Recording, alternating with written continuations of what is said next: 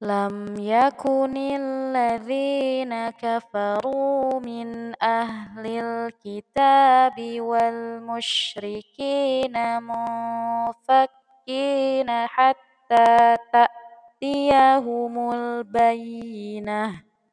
رسول من الله يتلو صحفا مطهرة فيها كتب قيمة وما تفرق الذين أوتوا الكتاب إلا من بعد ما جاءتهم البينة.